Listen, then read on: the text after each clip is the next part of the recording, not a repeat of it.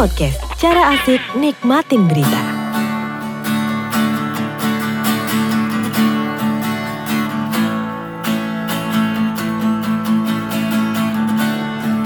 Cinta yang pernah singgah Cinta yang dulu ada Cinta yang kau rasa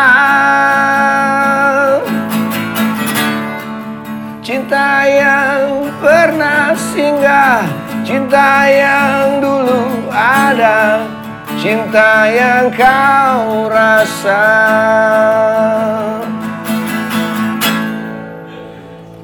Mari kita putar kembali Yoi. Perkenalkan, selamat kembali Lukman Laksamana. Terima kasih. Yoi. Apa kabar semua? Mudah-mudahan sehat dan selalu dalam lindungan yang Maha Kuasa. Amin, amin, amin, amin. Gue udah kayak kopi senjanya Ker ya. si dong, si. Si.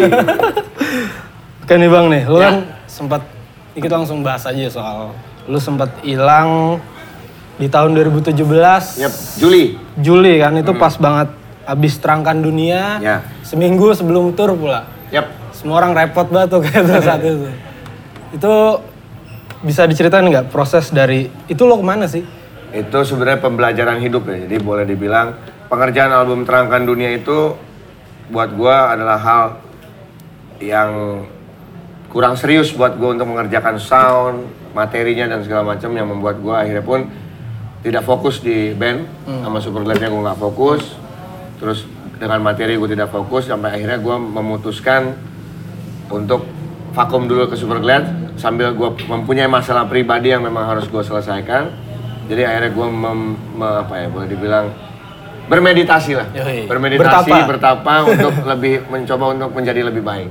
Amin. amin amin tapi ketika transisi apa masa menghilang lu dua tahun Yap. tuh ya kayaknya Superglad-nya ke mana tuh Superglad sih tetap masih masih aktif waktu itu. Jadi pihak manajemen menghubungi gua bahwa kita mau tetap jalan ambul Hmm. seperti gitu. Pakai additional vokal ya mangga-mangga aja, silakan silakan aja.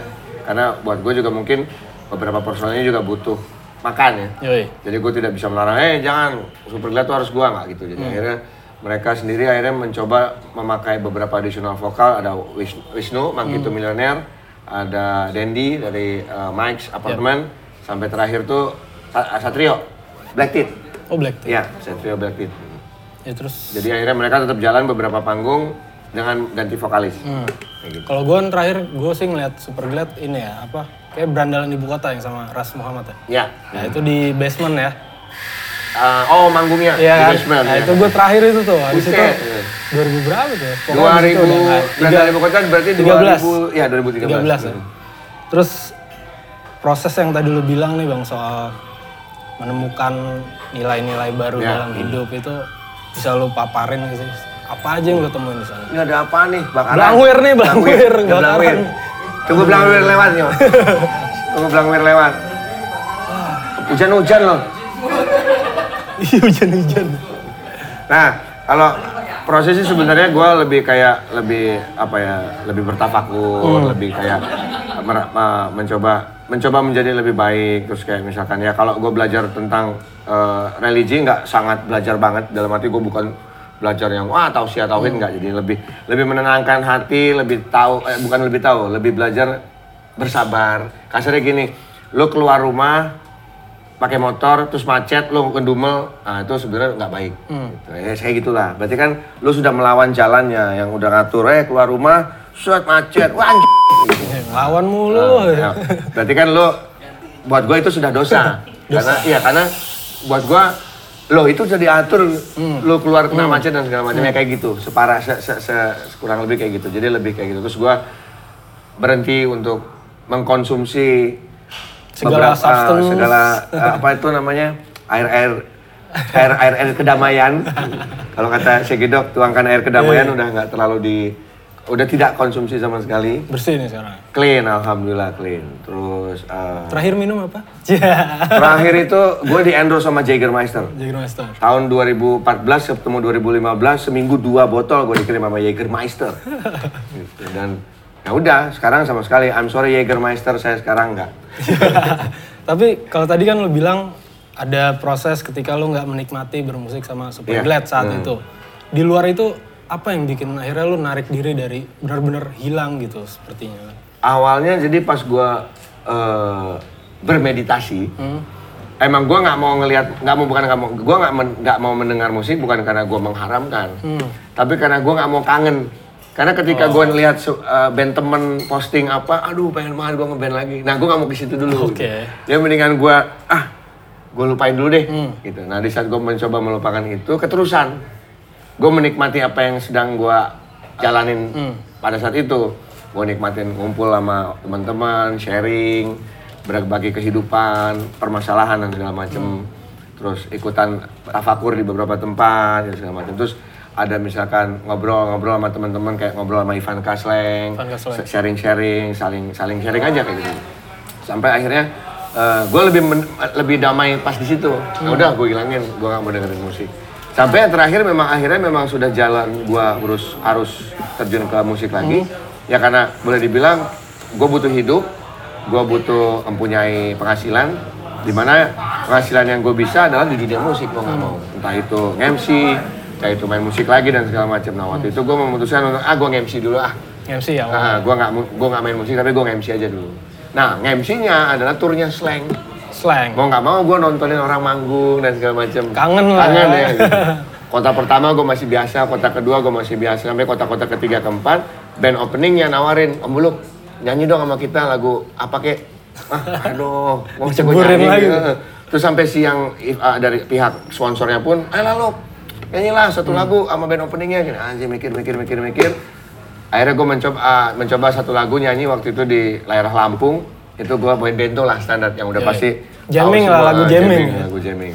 Dari situ gue kayak hype, wah emang enak banget. lagi Terus nih. tahu, emang enak banget penonton nyanyi semua. Sekali lagi, wah brr, satu stadion, slanker teriak. Dari situ akhirnya ah apa gue ngeband lagi ya udah.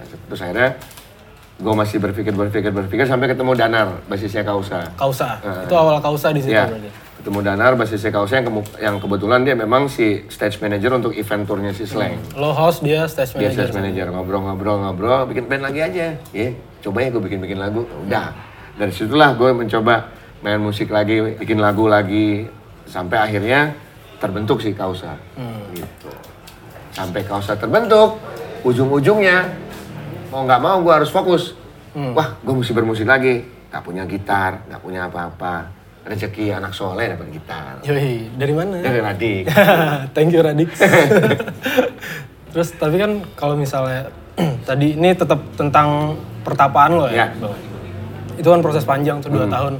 Lu ngalamin apa aja sih di situ dan Yang gue alamin lu sebenarnya pembelajaran hidup sih. Pembelajaran hidup tuh sangat berharga banget. Semua yang kita alami itu kalau memang atas dasar pengalaman, Hmm. atas dasar kita yang kita alami, terus kita belajar dari situ untuk menjadi lebih baik tuh akan akan akan akan lebih berharga, Ya. lebih lu lu rasain. Yang gue alamin itu ya hal bodoh yang pernah gue buat dalam hidup itu semoga tidak lagi terjadi. Ya itu seperti gue bilang, gue tahu bahwa, waduh kalau gini tuh seharusnya gue nggak boleh gini ya, gue nggak boleh gini. Gue nggak nggak menggurui karena orang beda-beda belajar pengalaman hidupnya. Ada yang mungkin belajar melalui pengajian, ada yang mungkin belajar melalui meditasi, ya segala macam. Nah, gue belajar lebih logika gue, gue gabungin dengan apa yang gue rasakan sama hati gue kayak gitu. Oke. Terus gue merenung, merenung, merenung, aduh kayaknya gue harus lebih begini deh. Kayaknya kalau gue melakukan hal ini akan lebih tenang buat hidup gue. Jadi gue ngejalanin itu. Dan yang gue dapetin ya positifnya, positifnya adalah ya belum tahu sih gue tidak tidak menilai diri gue sendiri. Alhamdulillah sekarang gue ya sedikit lah, sedikit sedikit melangkah lebih bersabar, lebih nggak ngomel-ngomel. Dulu mah kru suka gomelin. Tanya aja, ampli gue nggak bunyi, muka gue udah kayak obeng. Woi, woi. Kalau sekarang gue beli senyum. Yoi. Mati ini mati. Tolonglah. ya kayak gitu. Kalau dulu mah, ceng mati. Pengalaman si cowek mah pernah gue lempar gitar, mati gitar gue. gitu, gitu. Kayak gitu ya. Sekarang nggak, sekarang insya Allah kayak gitu.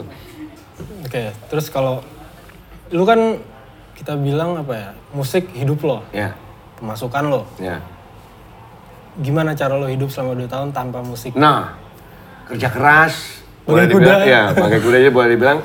Memang gue tidak ada pendapatan sama sekali. Apa pun gue lakukan pada saat itu. Dari mulai ngebantu keluarga, kakak punya usaha dibantuin. ada usaha keluarga yang gue ikut bantu terus gue bantu-bantu misalkan ada orang syuting buat YouTubean gue ikut-ikut bantu. Ada temen juga punya channel YouTube butuh kru buat megang-megang lampu dan segala macam atau apa pun itu yang penting menghasilkan buat gue gue gue jalanin. Jadi dari situlah semua gue mendapatkan pendapatan yang ya boleh dibilang sudah alhamdulillah Iya, iya. walaupun nggak gede banget. Cuman buat gue ngelepus bisa lah. Aman tuh. aman itu sampai akhirnya titik terendahnya adalah gue harus harus emang emang sampai gue kasarnya gini gue harus menjadi seorang runner untuk dapat duit. Yang yang yang harusnya buat gue buat bukan gue berarti merendahkan runner ya gitu. Cuma maksudnya buat gue anjing ini tuh gue sampai sampai sampai kayak gini gini aman kayak gitu. Loh. nah, dari situ gue akhirnya ah gue terjun ke musik lagi deh. Awal terjunnya ya udah gue menawarkan diri untuk job-job MC kebetulan sampai akhirnya nemu si turnya slang itu. Oke. akhirnya dari situ gue mulai ah meniti karirnya dari MC dulu deh. Balik-balik pelan-pelan. pelan-pelan dari MC dulu kayak gitu Soal titik terendah tadi lu sebut. ya Ini kan klarifikasi kabar ya Hmm. soal bahwa lu bahkan sempat nyoba untuk bunuh diri wow saat itu. ya itu terjadi 2013an sebenarnya lebih dulu terjadi karena gue merasa apa ya udah nggak guna gitu buat buat hidup jadi kayak misalkan gue hidup buat apa lagi nih gitu Hmm. ya kayak semuanya tuh udah nggak mungkin ada jalan keluar satu saya jalan keluar buat gue pada saat itu adalah 16 antimo dan satu gelas baygon 16 antimo satu gelas. ya buat Cukup. gue tuh kayaknya wah nih nyaman kayak nih kayaknya giting-giting juga koit ternyata emang belum waktunya untuk dipanggil jadi akhirnya dengan antimo dan baygon itu malah malah membuat gue semakin menyadarkan diri temen gue yang menyadarkan Hmm. diri bahwa kalau dia bilang lu berarti belum boleh mati coy gitu lu ini dari situ gue merasa oh iya berarti emang gue harus lebih baik kali kayak gitu. Banyak yang perlu lo beresin nih. yang harus gue beresin kali. Bukan inilah jalan keluar Buat gitu. akhirnya eh, dari situ justru malah membuat gue bangkit.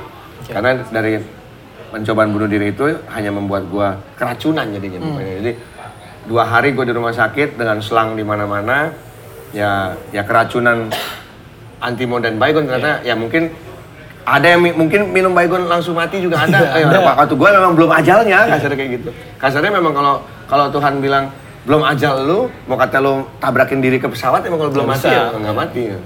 Kayak gitu. Tapi kalau boleh tahu bang, ya, Hmm.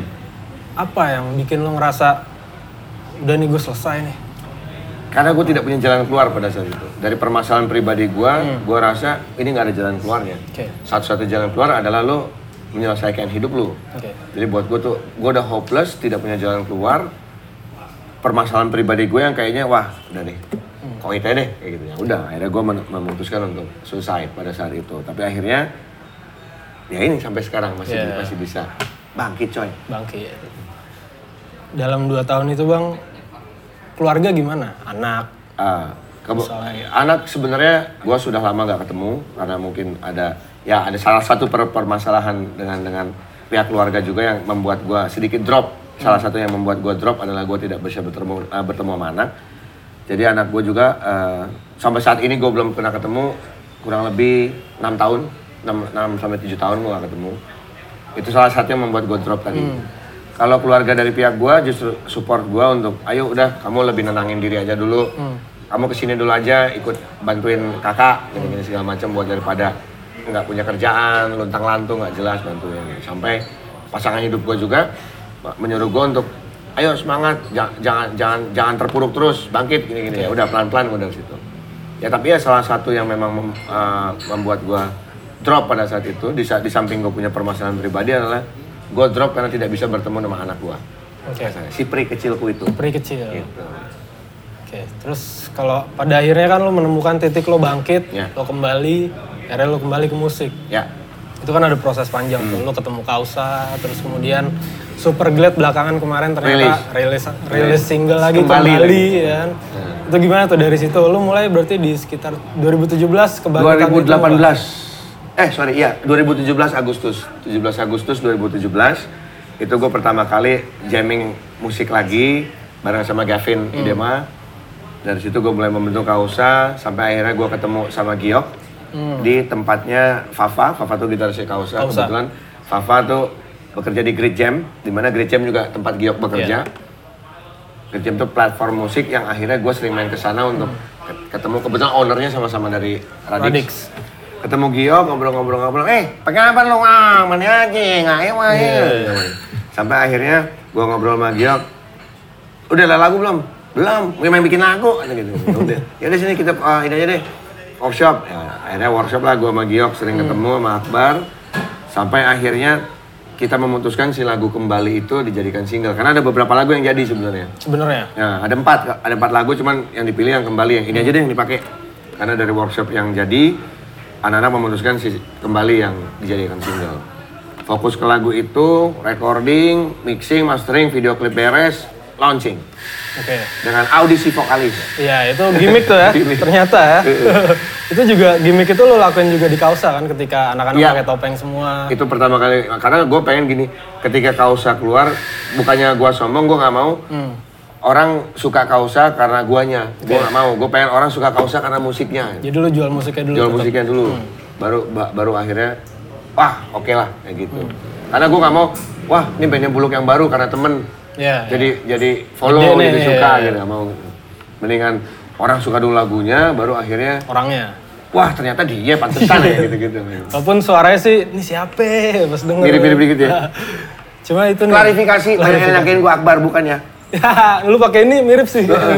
berapa kali berkali-kali mas udah nggak di YLK lagi udah nggak di eh, gue bukan pelawak Tadi kita bahas ya.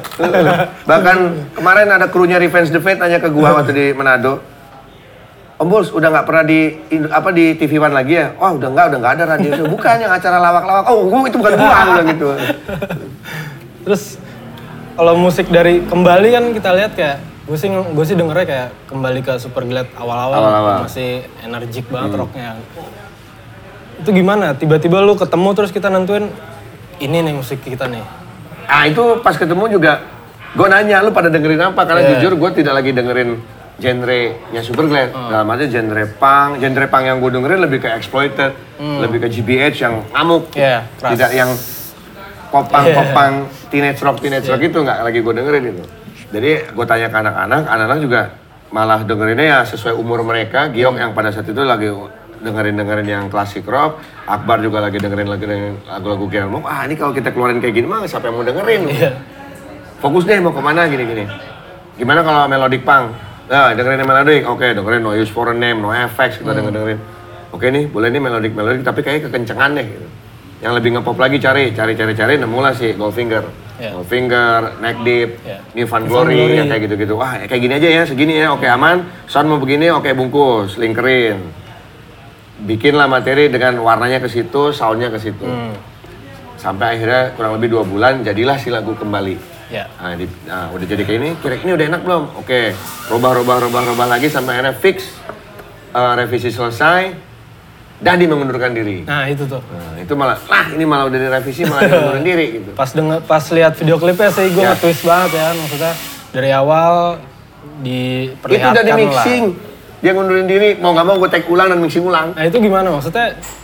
Itu ada Dadi masih ikut tag di sana. Masih ikut, awalnya Dadi masih ikut take, bahkan ngikut mengaransemen beberapa part yang pada saat itu anak-anak minta robah lagi dat, robah lagi dat, tapi eh, entah kenapa eh, dia tiba-tiba memutuskan untuk meeting, terus tiba-tiba dia bilang kalau dia sudah tidak bisa ikut ke Superglad lagi dengan alasan lebih ingin fokus ke pekerjaannya yang sekarang dan keluarga. Keluarga. Ya dari situ gua udah tidak bisa melarang kalau udah ingin fokus ke keluarga sih. Kalau pekerjaan masih, eh ngapain sih juga kerjaan gitu. Tapi kalau dengan keluarga gua udah nggak bisa melarang deh. Udah keputusan jalan hidupnya. Dari situ yang menurut gue ya udah. Berarti kita tanpa dadi. Setelah gua udah ngedengerin, eh ini kalau kita keluarin begini, ya gua nggak mau ke depannya ada clash cuman gara-gara royalti atau segala macem.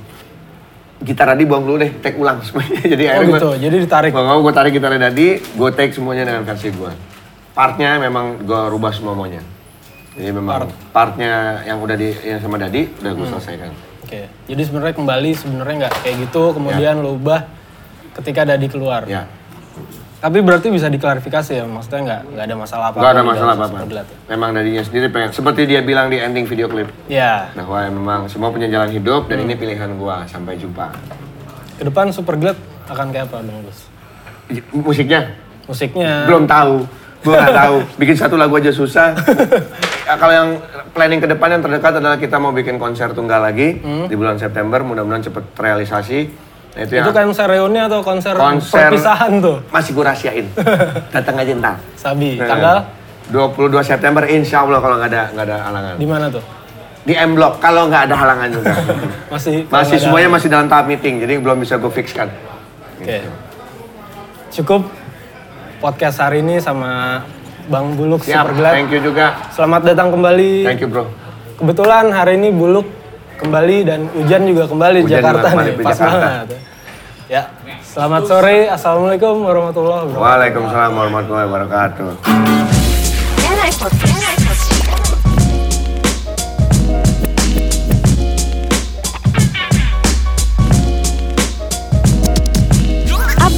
Berita asyik only on Era Podcast.